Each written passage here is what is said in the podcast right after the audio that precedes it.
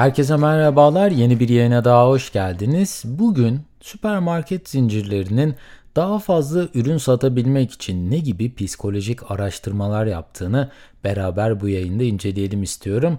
İsterseniz buyurun hemen konunun detaylarına geçelim. Bu arada yaptığım yayınları beğeniyor ve yeni yayınları kaçırmak istemiyorsanız dinlediğiniz platformlardan abone olarak tüm yayınlara anında ulaşabilir veya Patreon üzerinden bana destek olabilirsiniz.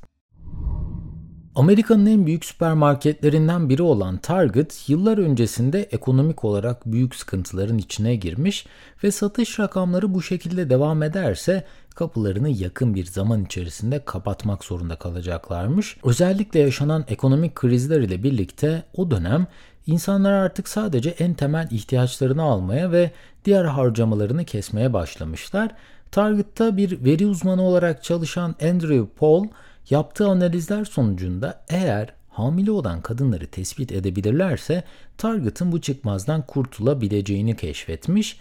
Hamile kadınları bilebilmek ile bir süpermarketin geleceğini kurtarmak arasında nasıl bir ilişki olabilir diye düşünüyor olabilirsiniz. Keza büyük ihtimal Target yöneticileri de en başta bu şekilde düşünmüşler.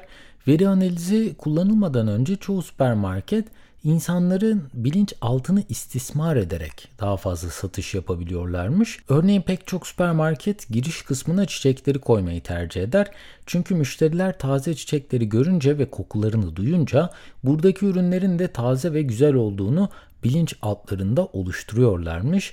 Eğer fark ettiyseniz de et ürünleri her zaman marketlerin en sonunda bulunur. Çünkü et ve tavuk parçalarını görmek, koklamak, oradaki kişinin bu ürünleri böyle kesip parçaladığını görmek bilinç altımızda oranın çok temiz ve güzel bir yer olmadığı duygusunu yaratıyormuş. Diğer bir yöntem ise kasaya yaklaştığınız zaman kesin fark etmişsinizdir. Çikolata ve şekerli ürünler genellikle kasadan önce yerleştirilir ve özellikle çocukların ulaşabileceği yerde bunlar konumlandırılır. Süpermarketler daha öncesinde aslında bu ürünleri kasanın yanına koymuyorlarmış. Fakat ilerleyen zamanda şunu fark etmişler. Eğer çocuklar e, bu ürünleri, şekerli ürünleri reyonla, reyonlardan alırlarsa aileleri o anda müdahale ediyor ve onlarla konuşuyorlarmış. Bu sayede de şekerli yiyeceklerin alımları aileler tarafından engelleniyormuş. Ancak hiçbir ebeveyn kasaya gelip arkada uzun bir sıra varken çocuğu ile bir çikolata yüzünden tartışmıyor ve bu satın almayı çok daha kolay ve hızlı bir biçimde kabulleniyormuş. Buna ekstra olarak süpermarketler en çok satılan ürünleri insanların raflara baktığında tam göz hizalarına gelebilecek yerlere konumlandırmaya özen gösteriyorlarmış. Çünkü ürünler müşteri tarafından ne kadar hızlı fark edilebilir ise bu ürünleri almaya çok daha hızlı bir biçimde karar veriyorlarmış. Çok fazla satın alınmayan ürünler ise genellikle rafların ya en alt kısmına ya da en üst bölümüne yerleştiriliyormuş. Ancak gel gelelim ki bu süpermarketlerin kullandığı bilinçaltı taktikleri bir noktadan sonra işleri yine kurtarmamaya başlamış. Çünkü insanların pek çoğunun kolay kolay alışveriş alışkanlıklarının değişmediğini fark etmişler. Bu alışkanlıkların ne zaman farklılaştığını anlayabilmek için bir takım veriler incelenmiş ve ortaya çıkan sonuçta bazı etkinliklerin bu alışkanlığı değiştirdiği bulunmuş. Örneğin Amerika'da bir birey yeni evlendiğinde genellikle daha farklı, daha lüks yani daha bir üst segment kahve almaya başlamış, kahve markası almaya başlamış. Yeni boşananlarda ise tüketilen alkol ürünlerinin markası değişmiş. Yeni bir ev satın alanlarda ise sabah kahvaltısı için alınan ürünlerde farklılıklar olduğu bulunmuş. Ancak bütün bu veriler ne yazık ki Target'ı bulunduğu bataktan kurtarmak için yeterli değilmiş. Fakat bir evde hamile bir kadın varsa bu kadının sadece bebek ürünlerini değil evin bütün ihtiyacını tek bir yerden satın aldığını keşfetmişler. O yüzden hamile olan veya yeni çocuğu olan çiftleri tespit etmek ve özellikle de kadınlara has indirim kuponları hazırlayıp onları markete çekebilmek bu işin altın anahtarı olduğu Target tarafından keşfedilmiş.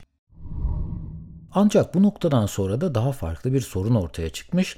Target bütün bu verilere sahip olmuş ama eğer bu kişilere, bu insanlara çok fazla kupon gönderirlerse onların izlenildiği hissine kapılacaklarını Ayrıca çok fazla kuponun da bir noktadan sonra rahatsızlık oluşturacağını fark etmişler.